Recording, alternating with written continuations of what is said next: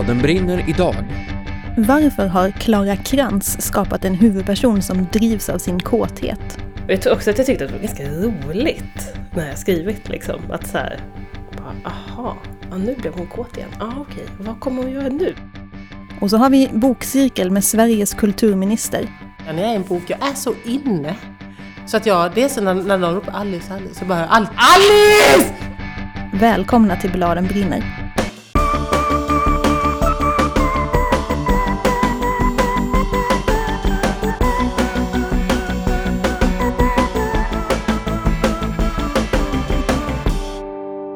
Det är höst, det är ny premiär för podden. Det känns som jag har läst 200 böcker sedan vi stod där senast. Och jag har inte fått prata om dem, så nu måste jag verkligen få prata om lite böcker. Mm. Vad ser du fram emot i höst? Ja, men jag ser fram emot det här. Jag är otroligt redo att ta det från att eh, mässa med dig om barnlitteratur tio gånger om dagen till att uh, prata om det för, inför lite fler. Inte för att det är något fel på att mässa. Nej, det är kul. Nej, men det är synd att vi ska tjuvhålla på böcker så att vi måste få helt enkelt prata offentligt om dem. Sprida dem till folket. Och det är vår tanke med Bladen brinner, att vi ska få fler att läsa, för det finns så himla mycket bra, bra titlar som kanske inte upptäckts, som borde hitta nya barn eller föräldrar eller vad det nu kan vara för någonting. Och att, och att det ska bli mer diskussioner om helt enkelt de böckerna. Mm. Och vi är jätteglada för att vi kan fortsätta göra det här programmet nu. Vi pratade ju mycket om det i våras, att vi letade efter finansiering och att det inte är helt lätt att få folk att vilja satsa på ett program om barnlitteratur. Mm. Men sen hade vi ju en Kickstarter-kampanj och då fixade ju ni som lyssnar på den här podden det på ett litet kick. Det var över 400 personer som gick in och stöttade oss ekonomiskt där och eh, samlade ihop tillräckligt med pengar för att vi ska kunna stå här nu. Och tjata. Och, ja, och vi älskar er alla innerligt för det. Så vi bara fortsätter? Ja, vi kör. Ja. Jag heter Lisa Bjärbo. Jag heter Johanna Lindbäck.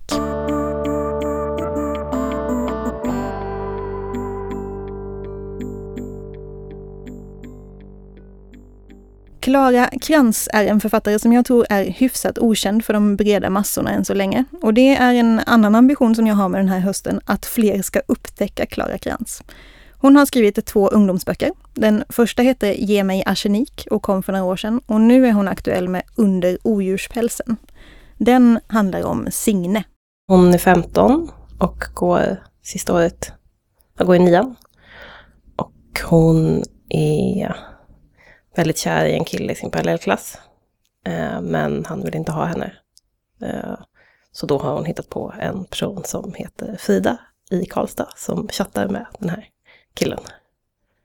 Ja, och den här liksom lögnen att hon har hittat på den här Frida går ju väldigt långt. Eh, det är inte som att hon bara hittar på henne och hon finns i fem sekunder, utan hon har ju verkligen gått in i den här andra personen. Ja, precis. Precis, hon har liksom hållit på med nästan ett halvår tror jag. Och han, Joel som han heter, han har ju verkligen också fattat tycke för Frida. Och sen, ja, blir det höstlov och då blir han sugen på att ses. vad, vad kommer den här historien från med att hitta på ett alter ego när man chattar?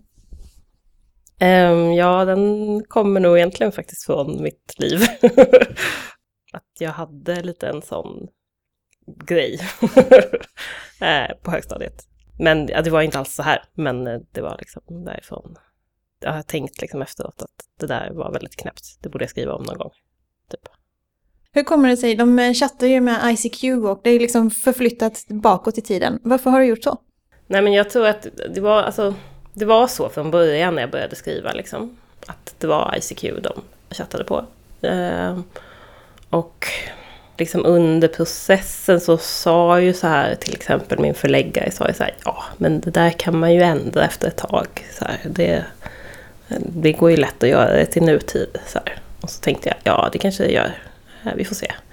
Eh, men sen så tror jag att jag liksom har känt att så här, ja, fast, fast jag tycker, jag tycker alltså så här, även om det så går att anpassa så tycker jag liksom inte att det är, alltså så här, texten utspelar sig under den tiden. Den utspelar sig liksom.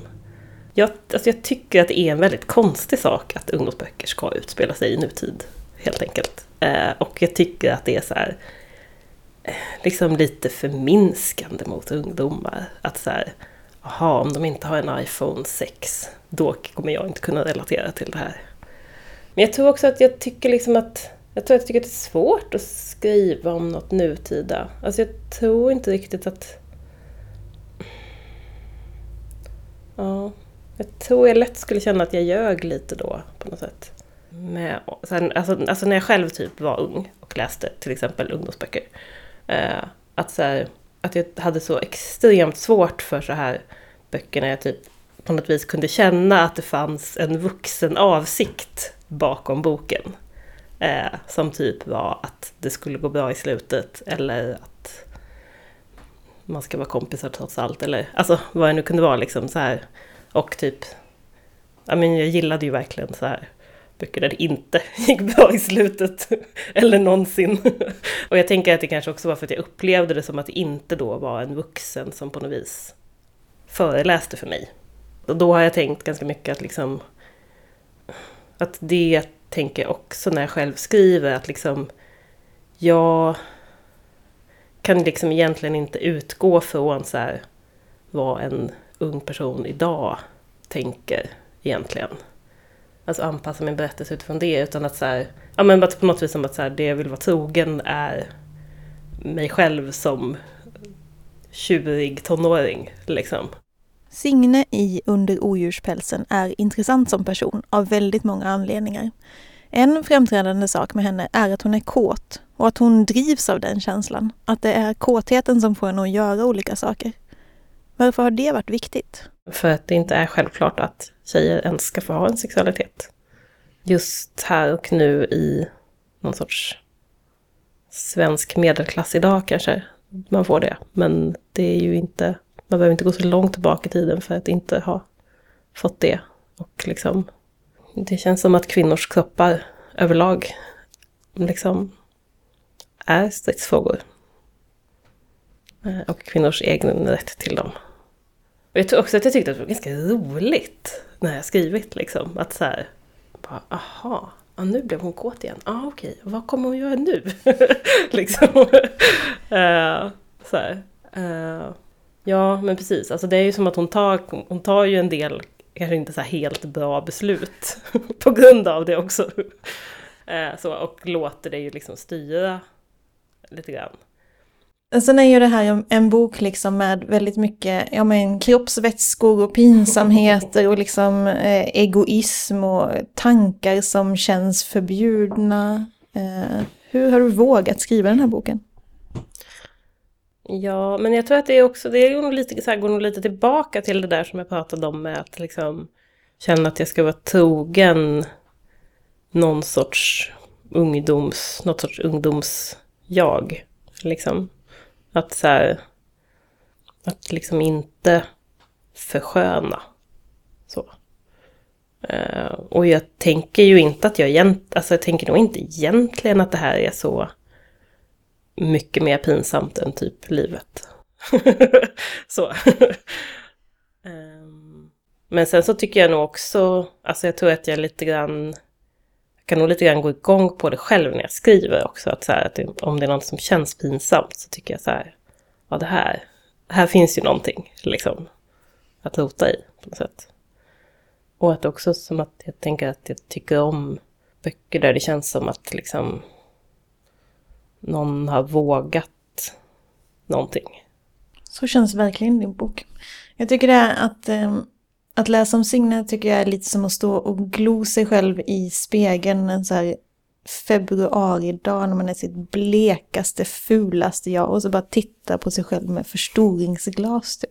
Det är ganska obekväm läsning. Ville du att det skulle vara det? um, nej, jag har nog faktiskt, egentligen har jag nog faktiskt inte tänkt på att det kan väcka den känslan för den som läser.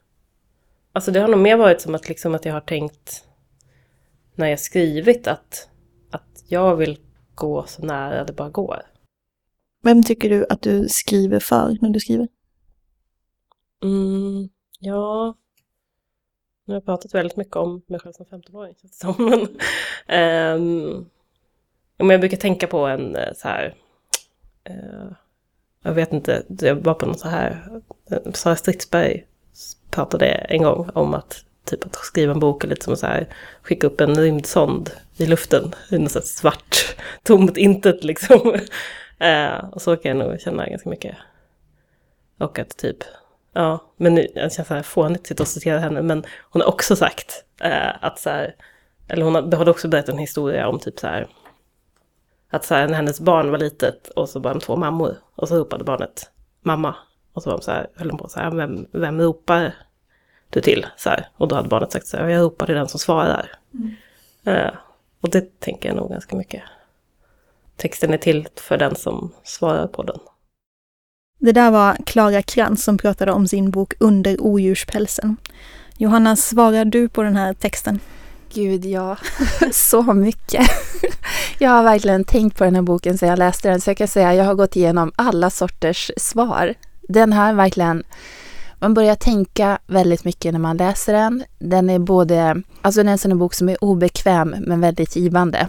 Så att den är inte bara mysig och härlig, utan man går som igenom flera stadier. Och ja, börjar kanske inse saker om sig själv eller lär sig någonting eller Oh, alltså jag, jag, kan inte som formulera vad jag tycker om den här boken för jag tycker så himla mycket. Men jag tycker det också är ganska talande att vi har återkommit till den och pratat om den så himla många gånger och bråkat om saker som kanske hände eller kanske inte hände i boken ja. och så. Det är inte alla böcker man gör det med. Nej, och sen att man blir...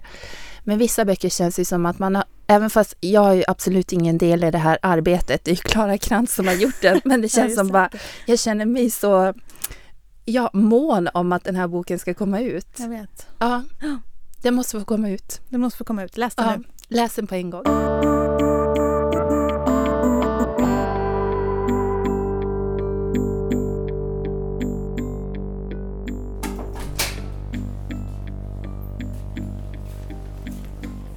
När man slår upp bilderboken Här är vi möts man av ljusa pastellfärger, sparsmakade illustrationer och väldigt lite text. Den är ett samarbete mellan svenska författaren Åsa Lind och belgiska illustratören Ingrid Godon. Här finns det väldigt mycket att prata om och det är därför som vi nu kliver in på Alice Bah Kunkes kontor på Kulturdepartementet. Vi är här för att ha en bokcirkel. Hon står vid skrivbordet och slevar i sig en lunch när vi kommer och hon är omgiven av högar med böcker. Som kulturminister finns det ju många förmåner. En av dem är ju att jag är omgärdad av eh, litteratur, av böcker, av vackra bilder, av fotografier, av tavlor, av allt. Av konst helt enkelt. Eh, och det gör ju att jag håller eh, väldigt ofta böcker i min hand. Eh, och det har ju både eh, föranlett en viss ehm, eh, alltså mättnad ska jag inte använda, men en eh, viss, eh, viss Alltså jag får ju se så mycket. Du har blivit bortskämd.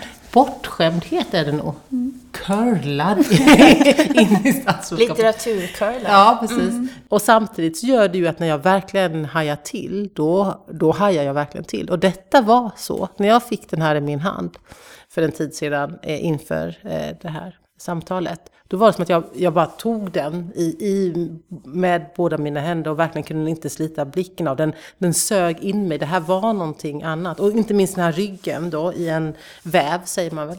Mm. Och jag skulle beskriva den här färgen som, det finns ett namn på den här färgen.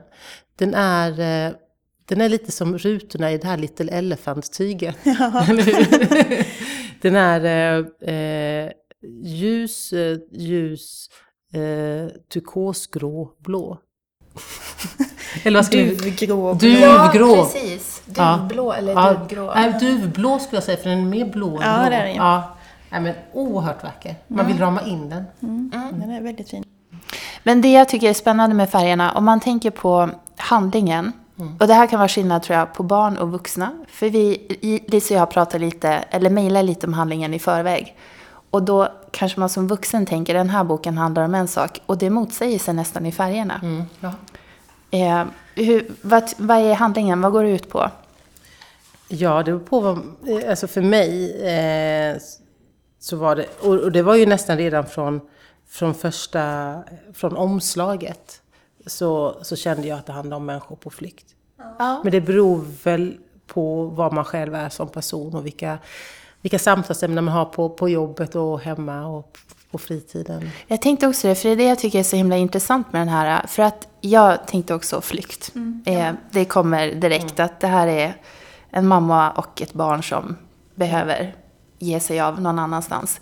Men sen när man ser på färgerna så är det ju inte den typiska, om vi ska säga flyktberättelsen. För allting är ganska ljust och det är så här rosa och grönt och det, det är inga hot i... i Det är ju egentligen ingenting. Det är ju bara de här två personerna. Och sen är det en ganska vag eh, bak... Det, eh, ibland beskriver man ju barnboksbilder, eller bilder överlag, som myllriga med många detaljer. Och det här känns ju som raka motsatsen. Att det finns inte någon enda detalj nästan. Utan jag läser in att det är dimma kanske. Eh, eller snö. Eller att det liksom är ett väldigt eh, dimmig omgivning och det kan ju också tolkas som att så här, ja, men, eh, vi vet ingenting om den här omgivningen. Vi är på en främmande plats, vi är på väg till någonstans där vi aldrig har varit och ingenting som vi känner till. Men vet du? Eller vet ni? Jag har ju varit här. Har du? Ja. Eh, och eh, det var ju exakt sådana här kontraster, eller vad ska man säga, absurditeter. Jag eh, då, för något år sedan, när också väldigt många människor kom till vårt land, så for jag ner genom Europa. Och eh, befann mig till slut vid en gränsstation till, in till EU, till Europa. Vid så här, Europa, en Europaskylt med liksom stjärnor runt omkring. Och det var böljande gröna fält och blomstrande åkrar och ängar. Och solen sken och det var typ så här turistkioskstopp. Så kom det bussar. Eh, som stannade några hundra meter vid en av de här kioskerna, släppte av kvinnor, barn, tonåringar, män, människor med funktionsvariationer. Som med olika väskor och, och bylten, men ofta sportbägar och så började gå då de här hundra meterna och gick för, förbi mig och oss som också var där. Eh, och det var eh, då under dag, på dagarna när det var ljust. Då var det så här. Eh, Och det var inte det här, det är några bilder här där det är kulötta lyktor. Eh, och det var, det var så här. Eh, och det var, och jag vet, det var bara det var omskakande. Därför att det blev så tydligt att detta eh, kunde vara jag, vi, eh, men ändå inte. Och hur orättvist eh, och eh, vilka konsekvenser politik eller brist på politik eh, har. Eh, och jag kan förstå att barn som, som upplever eh, flykt eh, också kan se fantastiska stjärnhimlar eller eldflugor och se kulötta lyktor som, som fest och kanske känna grilllukt någonstans och kanske själva grilla därför att man gör upp en eld och att det kan vara till och med mysigt i små korta stunder även om sammanhanget är fruktansvärt. Ja.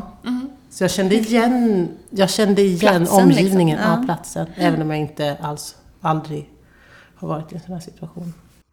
Jag när jag läste mm, lite recensioner på den här innan vi nu skulle prata om den, då var det dels sådana som tyckte den var jättebra och sen var det också lite att den är, det här att den är för tom, det här att det inte är så mycket detaljer, att den är väldigt avskalad. Eh, och då var det då att det, det var liksom den dåliga grejen, att det, man får för lite. Men jag tänker det gör ju också den här öppningen, att det är så himla lätt att eh, läsa in saker själv.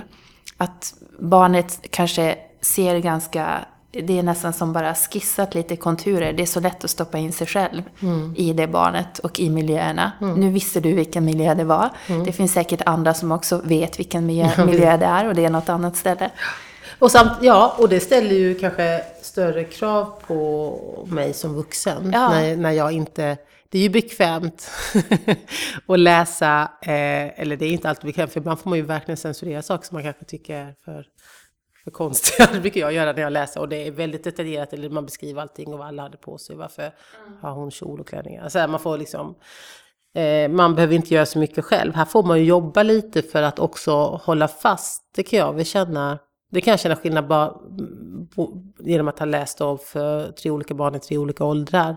Att jag känner ju skillnad när jag nu läser eh, för en 5-6-åring, när jag läste för, för hon som nu är 13. Eh, därför att det har skett som under de här nästan tio åren som skiljer har det skett sån enorm utveckling i vad de stimuleras i med sina liksom, spel och ja, paddor och, och eh, appar. Eh, så att ibland får jag nästan dra femåringen till tålamod att inte få allt serverat. Jag får dra, så att för mig var det här fantastiskt. Jag kände att hon och jag behövde det här utrymmet.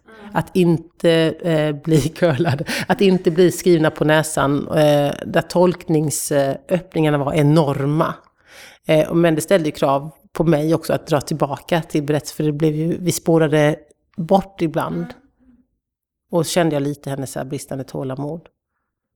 Mm, men samtidigt så var detta på morgonen. Eh, så, eh, så ville hon, det var nu i morse, så, så när jag sa att jag måste ta med mig boken, vi måste hämta boken, jag ska ha med mig den. Då ville hon, hon bara varför det? Ska vi, kan vi inte läsa den igen? Mm. Så då hade den ju väckt också känsla och tanke att vi ska kanske hitta andra mm. associationer. Men Alice, när du läste den med eh, ditt barn, då pratade ni om att det handlar om flykt? Jag sa det. Eh, men när jag frågade henne, då trodde hon inte. Nej, men jag kommer inte ihåg vad hon sa. Jag tror att hon, ibland är det som att hon, eh, eh, för det är ju kopplat till någonting sorgligt och hemskt för henne. Att människor tvingas fly och att eh, eh människor, barn inte får stanna i vårt land och så. Så jag tror att hon per automatik, när jag sa, jag frågade henne, vad tror du att det här handlar om? Nej, jag vet inte. Och då sa jag att jag tror att det handlar om eh, en mamma och ett barn som flyr. Eh, som flyr från krig eller att något hotar dem. Då var hon, nej det gör det inte alls det. För att hon vill inte att den, hon vill, hon, jag tror att hon känner att verkligheten är för påträngande och när hon ska lägga sig och somna så vill hon inte prata om, om det där hemska som, som verkligheten består utav och som även femåringar i vårt land idag ju förstås snappar upp och ser och på Lilla Aktuellt och så vidare. Eh, så då frågade jag henne, men då tvingade jag bara, varför inte det? Usch, jag låter ju alltid, ja när jag beskriver mig själv som förälder, jag vet inte, jag låter ju alltid så Nu ska hemskt. det vara en flyktberättelse, ja, förstår du. Nej, men, ja, och det, här, det är så, ja, så här hemskt, alla ni som lyssnar, detta är jag, jag är jätteledsen, mina barn kommer skriva så många böcker sen, men eh, ja, i alla fall. Eh, då sa jag så här, men varför tror du inte det då? Vad, vad, vad tror du det handlar om? Jag bara, så bevisade jag. jag, liksom, jag bara, kolla här, titta, här kommer några andra. Så jag, jag verkligen så här, visst är de på flykt, hittar de går, varför skulle de annars vara ute och gå mitt i natten? Jag, jag ihärdade. Eh, då, då tog hon tillbaka den här bilden som är relativt tidigt, det där med, eh, det finns några andra där borta, eh, det finns, eh, där finns på sin höjd några andra. De har visst kalas där borta, grillfest kanske. Och, för, för, och då så ser man då på en kulle eh, långt bort. Eh, eh, vad kallas det för? Vad sa vi? Ljuslyktor. Ja, ja, ljusslingor. Glötta lyktor i på slingor. Eh, och för henne var det fest. Det var tivoli, sa hon då. Mm. Det är tivoli. Det är karusell. Och det var ju raka motsatsen. Mm. Att gå på tivoli. Men så hon vill ju tillbaka till den här. Mm. Sen fortsättningen. Eh, men å andra sidan. Eh, på slutet så knyter de ju ändå ihop. Man lämnar ju inte läsaren eller lyssnaren eller tittaren. Eh, därför att de blir ju flera. De kommer fram och det har blivit ljust igen. Mm. De går ju genom natten. Eh, och sen så träffar de ju eh, ett helt gäng. Ett, två, tre, fyra, fem, sex andra vuxna, kvinnor, barn, män. Och, så, och precis när de har kommit dit så kommer det ytterligare några andra. Men det, jag tycker det är intressant att beskriva med den här att du gjorde en tolkning och eh, bevisade den. Men att det blir, som du sa, att det här är lite så här, det ställer krav på den som läser. Mm. För det, man kan ju lätt bara bläddra igenom den här boken på två minuter. Ja. Och så, då var den färdig. Och då har det kanske inte gett så mycket. Mm. Här är det verkligen en bok som man måste stanna upp i och ja. titta och ta ja, in. Verkligen. Men detta är ju motsatsen till att sätta, eh, låta ens barn sitta med paddan i handen och göra det en halvtimme till fast man egentligen skulle ha tiden var slut efter mm. en timme. Mm. Alltså detta är motsatsen. Det kräver ju samtal med en vuxen. Eh, och eh, ja, det kräver ju reflektion och diskussion. Mm tid helt enkelt. Och kanske ska man inte göra som jag gjorde, att göra precis det sista man gör innan man ska lägga sig. jag fick ju liksom anstränga mig lite efter för att känna, eftersom jag, det blev så allvarligt så vill jag ju inte bara gå därifrån. Jag säger såhär, nu har jag läst Godnatt, godnatt, puss, puss. Utan jag var så här, ah, är det något mer du Jag var ju tvungen liksom att mm, liksom verkligen knyta ihop säcken. Eh, så man kanske ska göra det lite tidigare. Därför att det är ju en, för mig var det i alla fall, en väldigt allvarlig bok. Jag vet inte riktigt hur jag ska, man ska läsa den här på ett lättsamt sätt. Tyvärr, alltså där är jag för begränsad. Nej, men man kanske inte behöver läsa den på ett lättsamt Nej, sätt. men då kanske inte är en bok man ska läsa eh, 20.00 och ska egentligen sova 19.30. Nej. Jag tänker mig att det är en perfekt bok för, ja men just precis som du säger, att den är, kan, ja, utan diskussionerna och samtalet så blir den väldigt lite liten den här boken men med dem så kan den bli hur stor som helst. Och kanske återkomma till om man kan, alltså en pedagog, mm. det är ju inte jag, men en, en av de fantastiska lärarna kan ju se vad man kan göra mer av den, rita egna bilder och berättelser och just, och inte minst då om man också är i sin introduktion till svenska språket mm. eftersom den är så mm. bildbaserad. Precis. Det är bra när det är mycket, jag har hört så fina exempel med just när man har läst böcker tillsammans med folk från olika kulturer, att man kanske bara, åh den fågeln känner jag igen. Och så mm. börjar alla säga, vad heter den fågeln på olika språk. Det är så här fina, är bara att man, man vet vad saker är, men man har inte språket för det. Och så ser man en bild och så blir det bara, ja, ja ni vet. Det knyts band och man blir helt gråtfärdig när man har talat om detta. Ja. ja, men det är ju fantastiskt. Ja. Jag måste fråga med era läsning, för jag tycker det är så mm. intressant. Det är lätt att man är nostalgisk när man läser för sina barn. Mm. Man, bara, man tar sina mm. barndomsupplevelser och så vill man ge dem vidare. Mm. Nu låter det som att du har en väldigt stor tanke. Mm. Hur har ni gjort? Har ni liksom... Ja, men jag har gjort både och. Eh, nu har jag fått öva det också på tre. Alltså de är ju, jag har tre som jag eh, då har så närmast mig. Eh, och då har jag gjort så att ja, men jag har ju läst klassikerna och det gjorde jag. Och det har jag gjort då, liksom ganska, från första part gjorde jag det nästan omedvetet. Det var de som fanns, ja, men du vet alla Astrid Lindgren och så. Mm. Mm, man läste dem. Eh, som man själv också är uppfostrad med. Eh, och då upptäckte jag också vilken hög kvalitet det fanns. Eh, inte minst i Astrid Lindgrens eh, eh, fantastiskt, vilken barnsyn som liksom genomsyrar. Alltså oh, helt otroligt! Jag är så oerhört imponerad av hennes författarskap många klassiker, men sen också har jag verkligen mm, med hull och hår eh, gett mig an all ny litteratur. Det finns ju fan, så otroligt många bra eh, barn och ungdomsböcker, inte minst ungdomsböckerna också, kommer nu med en 13-åring, eh, så spännande. Och då vill man ju också både då de där som man själv, och jag var ju såhär Kulla-Gulla, det läste jag, jag älskade Kulla-Gulla-böcker till exempel. Men det är min 13-åring, nej! Hon bara, vad är det här? Vill inte hon ha ett ok? Ja, är sådär. Ja, men så jag, så jag har läst, ja. Nej, men ja, så jag har, ett, jag, jag har en bra relation till det som jag eh, kategoriserar in under rubriken klassiker. Eh, som jag fick, eh, men också då från min mammas generation. Det var hon som läste mycket för mm. mig när jag var barn. Hur hittar du böcker då? Om du tänker just för dina barn? Är ja, men nu är jag ju så lyxig. Du pratar med Sveriges kulturminister. Ja. det kommer kartonger. Nej, är ju så. Jag, det kan, jag skäms nästan för att säga det, men jag får så otroligt mycket. Och de får jag ju inte, jag, får, jag äger ju inte dem själv, så de är inte i min bokhylla hemma. Men jag, jag har tagit med mig IKEA-kassa, kommer ni se, har jag där inne. För jag, ska, jag får ju dem hit till departementet eh, och så, eh, jag hinner ju inte ens läsa allt som kommer. Men så, ja, så läser jag, så tar jag hem och så läser jag tillsammans med mina barn. Så barnböckerna försöker jag, ibland, som, eh, som när först, först läser jag nästan själv ibland, för att det går så snabbt man vill, man är nyfiken. Men så ofta läste jag dem då två gånger, för sen läser jag dem med barnen också. Eh, ja, men förutom det, ja men jag lyssnar ja, på poddar, eh, läser ju mycket magasin och tips och råd och ja, dagstidningar. Då får man ju också många ingångar är det du som servar dina barn med böcker eller hittar de dem själva, de som de ja, vill läsa? Nej. Eh, ja, eh, de yngre är det väl kanske jag, fast skolan är ju fantastisk. De har bra lärare och bibliotekarier. Skolbibliotekarier är ju helt centrala skolbiblioteken. Eh, så att nej, jag, jag ska nog säga att den stora, vad ska man säga, bildningen eh, får de ju av andra än av mig. Även om lusten till att läsa och, vi, och kanske den djupare förståelsen av vikten av läsning. Eh, som inte är, alltså den där djupa som de kommer kunna plocka upp till sina barn sen förhoppningsvis. Det får de ju av mig, precis som jag fick det av, av, av deras pappa, precis som jag fick det av framförallt min mamma. Eh, För det, det har jag ju förstått senare när jag har mött vuxna människor genom livet som inte har läser. Att, eh, och allt och för ofta är det så att deras föräldrar inte läste för dem eller med dem.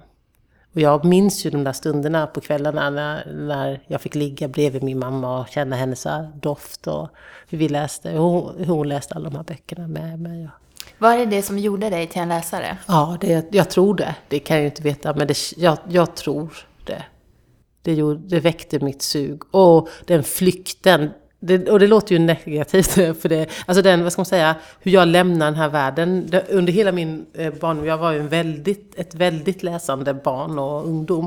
Och då var det, de fick ingen kontakt med mig, och så säger min man fortfarande att jag, när jag är i en bok, jag är så inne. Så att jag, det är så när, när någon ropar Alice, Alice, så bara Al Alice! Och, så, och någon bara rycker i mig för att jag är helt, jag är där. Jag är på det där fältet, jag är i den där, i den här FN-skrapan, jag är på det där i Arktis på någon båt i någon expedition. Jag är där, jag är, det är som att jag bara lämnar. Och jag älskar ju det och inte minst nu när man sitter i regering och någon frågar jag, får, eller jag har relativt ofta fått frågan om hur slappnar du av och vad finner du kraft och inspiration? Alltså böcker, det är som att jag vill ju ibland när det är jobbigt, då vill jag bara, bara låsa in mig någonstans bara med lite böcker. Så jag får, det är mitt knark. Men alltså jag förstår det. Och jag har tänkt, hur mycket hinner du ens läsa? För du måste ju läsa saker inför jobbet hela tiden. Mm, ja, jag hinner ju inte Har- alls läsa så mycket som jag vill. Nej. Nej, jag tar ju helt, ser på mitt skrivbord där, det är ju helt i böcker som jag har ambitionen. Jag, bara, jag läser på jag blir baksidan, bara, åh, stressad. ja, jag bara, åh den här. Och, och i- in, eh, då för tre år sedan när, jag, när statsministern ringde och jag blev statsråd, då hade jag kanske en bok på nattduksbordet och sam, så här, i väskan. Nu har jag ju flera för jag börjar på dem. Och Mm. jag kanske inte har den närmsta. Men jag reser ju mycket. Och eh, när man då har läst ut de där pärmarna och mapparna som man har fått av alla kloka tjänstemän och medarbetare som är liksom eh, läsa på materialet, då eh, läste jag sen skön litteratur. Men känner du så här som jag känner, för jag, när jag är stressad, man hinner ju inte läsa alltid. Mm. Och då kan det vara perioder när man har mycket att göra, man hinner inte läsa. Och så plötsligt bara typ får man två dagar när man läser tre Ah, böcker ja, två precis. dagar.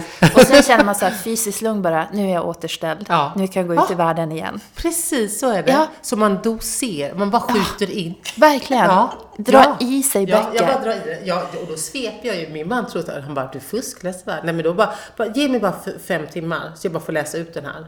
Bara, kan du ta hand om allting bara fem timmar? Vadå kan du få knacka på och ge mig mat? Kanske, men jag vill, ja, jag vill bara läsa. Och jag har inte till exempel läst eh, så mycket deckare innan. Aldrig i mitt liv. Jag har liksom inte riktigt kommit in i det. Men så har jag hittat några bra och då tar man ju en, det blir ju, de kan ju, och när de är bra, då är de ju så bra så att då blir det ju en hel natt, då är det ju plötsligt ljust. Det kan vara lite jobbigt när man kommer ur det ruset. För att när man inte känt det, då är det såhär, vänta jag har ju inte råd att inte sova på en natt. Men Verkligen. jag kunde inte sluta. Då är man ju, det är ju ett beroende. Jag kan, jag kan inte sluta. Så jag får titta nu på, nu fick jag en ny, en här som jag ska läsa. Så bara, här, vänta, nej jag får inte ta den nu. För nu har jag verkligen inga marginaler. Jag kan inte liksom bokknarka en natt. Nej, jag har inte råd med det. Jag måste vara alert och pigg. Så att jag, får, jag sa så faktiskt så till Elinor, kan du ta bort de här böckerna från mig? Jag får inte ta hem dem för att då kommer jag eh, inte fixa jobbet. Boken är ju både för barn och vuxna, att man lyssnar på saker, man ser på saker, man läser inte saker. Att det, ibland känns det som att boken håller på att bli den här exklusiva lilla produkten som i framtiden kommer vara en minoritet hålla på med böcker och resten kommer att hålla på med kulturform på andra sätt. Hur gör man för att det inte ska bli det? Oj. Ja du, den som det visste. Eh, nej men, eh, ja men då tänker jag att du, du talar ju om boken inte som en, fysisk, eh, alltså inte en produkt utan mer eh, som eh, form, eh, alltså som... För, jag tror, jag tror, för jag tror att boken... För jag tror inte, jag tror väl inte att boken kommer Alltså jag tror så här, som också blir ett svar på din fråga. Eh, jag tror, eller min övertygelse är, om vi eh, eh, målmedvetet och fokuserat bygger, inte minst politik, utifrån övertygelsen om att läsning är en, en, en rättighet och en möjlighet och ett fantastiskt verktyg för att bli till människa. Då kommer vi ju lyckas eh, säkerställa att, att boken, böckerna, konstarten eh, får en sån tydlig plats och plattform i hur vi bygger våra samhällen, att, att den risken är minimal. Att det inte blir en liten minoritet som... Fast känner inte du dig orolig? Jo, Ja. orolig men samtidigt övertygad om att det måste gå. Och vi gör ju enorma investeringar nu i läsandet. I, eh, i skolan inte minst. Där vi ju likt aldrig förr investerar eh, främst också i de skolor som behöver det allra mest. På, på eh, lärare, eh, på deras möjligheter men också på eh, skolbiblioteken och på läromaterial och så vidare. Och så vidare. Och det, jag är övertygad om att den, de här investeringarna, eh, som vi ju, är ju prioriteringar vi gör från regeringens sida, kommer ha effekt. Ehm, så att jag tror, så egentligen det korta svaret på din fråga, hur ska vi säkra att det inte blir så, att det bara blir en liten exklusiv minoritet som förhåller sig till, till, till böckerna och till litteraturen. Eh, det är ju genom en, en medveten politik. Eh, mycket medveten och modig. För det handlar ju om att, att våga fördela resurser och våga förstå och se konsekvenserna av att, att eh, eh eh, investera i, i människor, i alla människor. Därför att det finns ju de som kommer säkerställa att de får det här, nu viftar jag med boken, men få, som kommer säkerställa och göra allt för att deras barn ska ha tillgång till detta. Eh, men vi bedriver ju en politik som inte enbart är för de få som har resurserna eller eh, kunskapen eller är medvetande gjorda redan, utan också för de andra. Eh, och det kommer ju vara många duster om det framöver. Och de dusterna ser jag faktiskt eh, fram emot. Även om det är synd att de behövs. Det där var kulturminister Alice Bah Kuhnke och boken som vi tre hade läst var Här är vi av Åsa Lind och Ingrid Godon.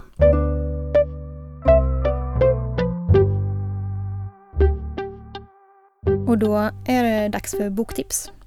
Idag vill jag tipsa om en faktabildebok som heter Allt och den är skriven av en snubbe som heter Mark Martin.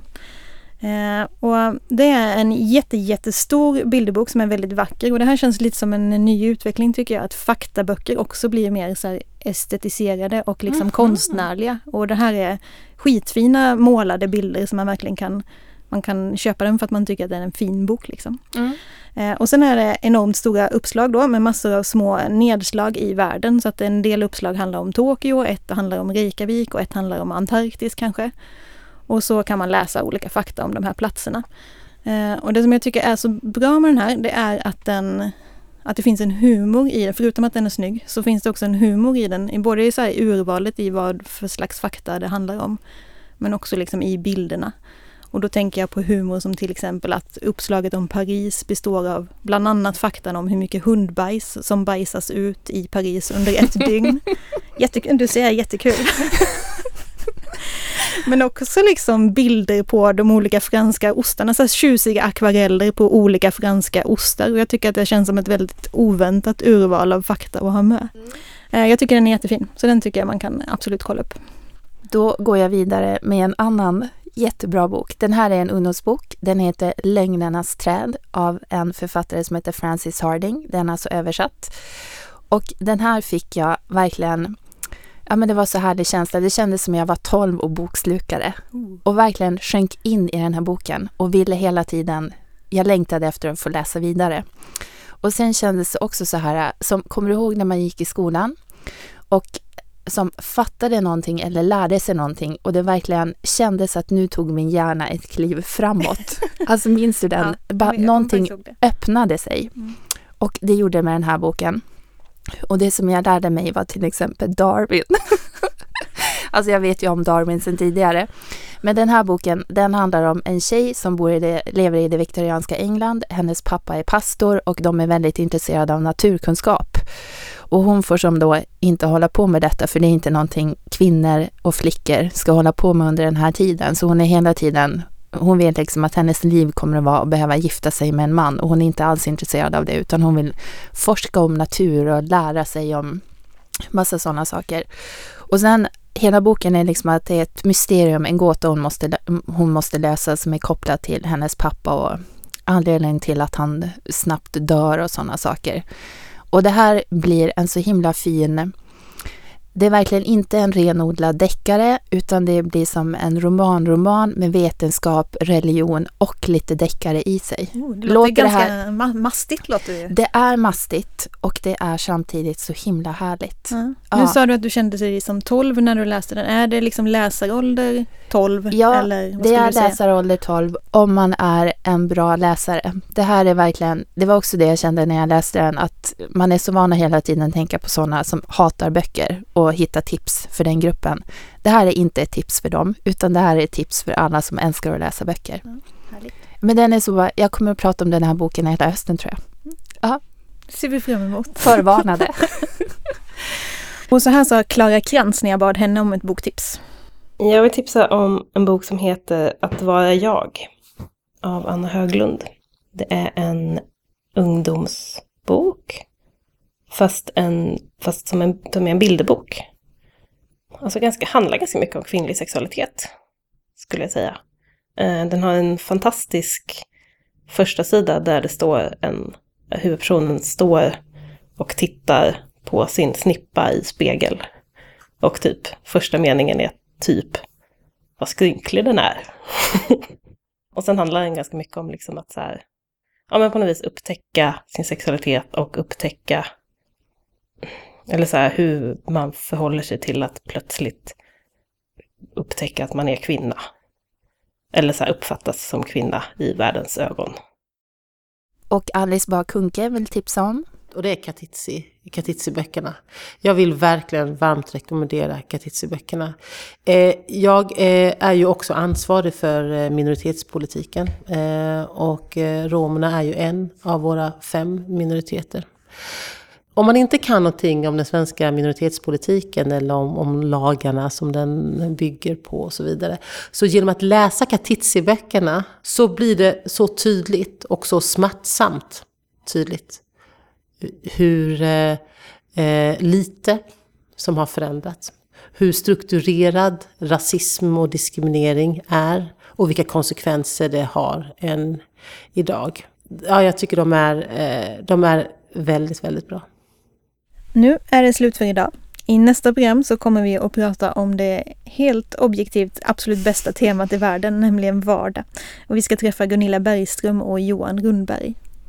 Men innan dess är en bokmässa att klara av, så om ni lyssnar precis nu när programmet släpps, då kan man träffa oss där. Vi är på plats fyra dagar. Man kan kolla i programmet vad vi gör, så kan man komma och säga hej. Det får man, eller hur? Man får det, vi är jättesnälla. Vi blir glada. Bladen brinner görs i samarbete med Dieselverkstadens bibliotek. Och så har vi en lång rad bokförlag och de heter Rabén och Sjögren, Bonnier Karlsen, Alfabeta, Opal, Lilla Pratförlaget, B. Wahlströms och Bergs bokförlag. Och sen har vi två nya och de är nämligen Nypon förlag och Natur och kultur. Tack ska ni ha, hela högen! Och tack också till Gustav Edman som är producent och till Håkan Lidbo som har skrivit musiken. Och till alla er som lyssnar. Och om ni vill nu så får ni extremt gärna gå in på iTunes efter ni har hört det här och recensera Bladen brinner där. För sånt gillar iTunes och när iTunes gillar något så puttar de upp en i olika slags listor. Och det betyder att fler folk kan upptäcka Bladen brinner och få ta del av alla de här boktipsen. Mm. Och det betyder att fler bra böcker sen kommer i handen på något barn och det betyder att vi är ett steg närmare fred på jorden. Det hänger på er publiken. och så kan man under tiden även komma ihåg att vi finns på Facebook och på Instagram och där heter vi Bladen brinner podcast.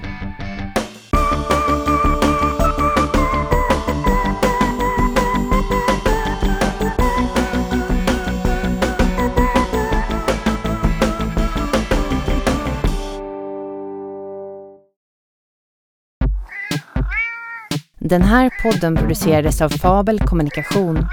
Läs mer på www.fabel.se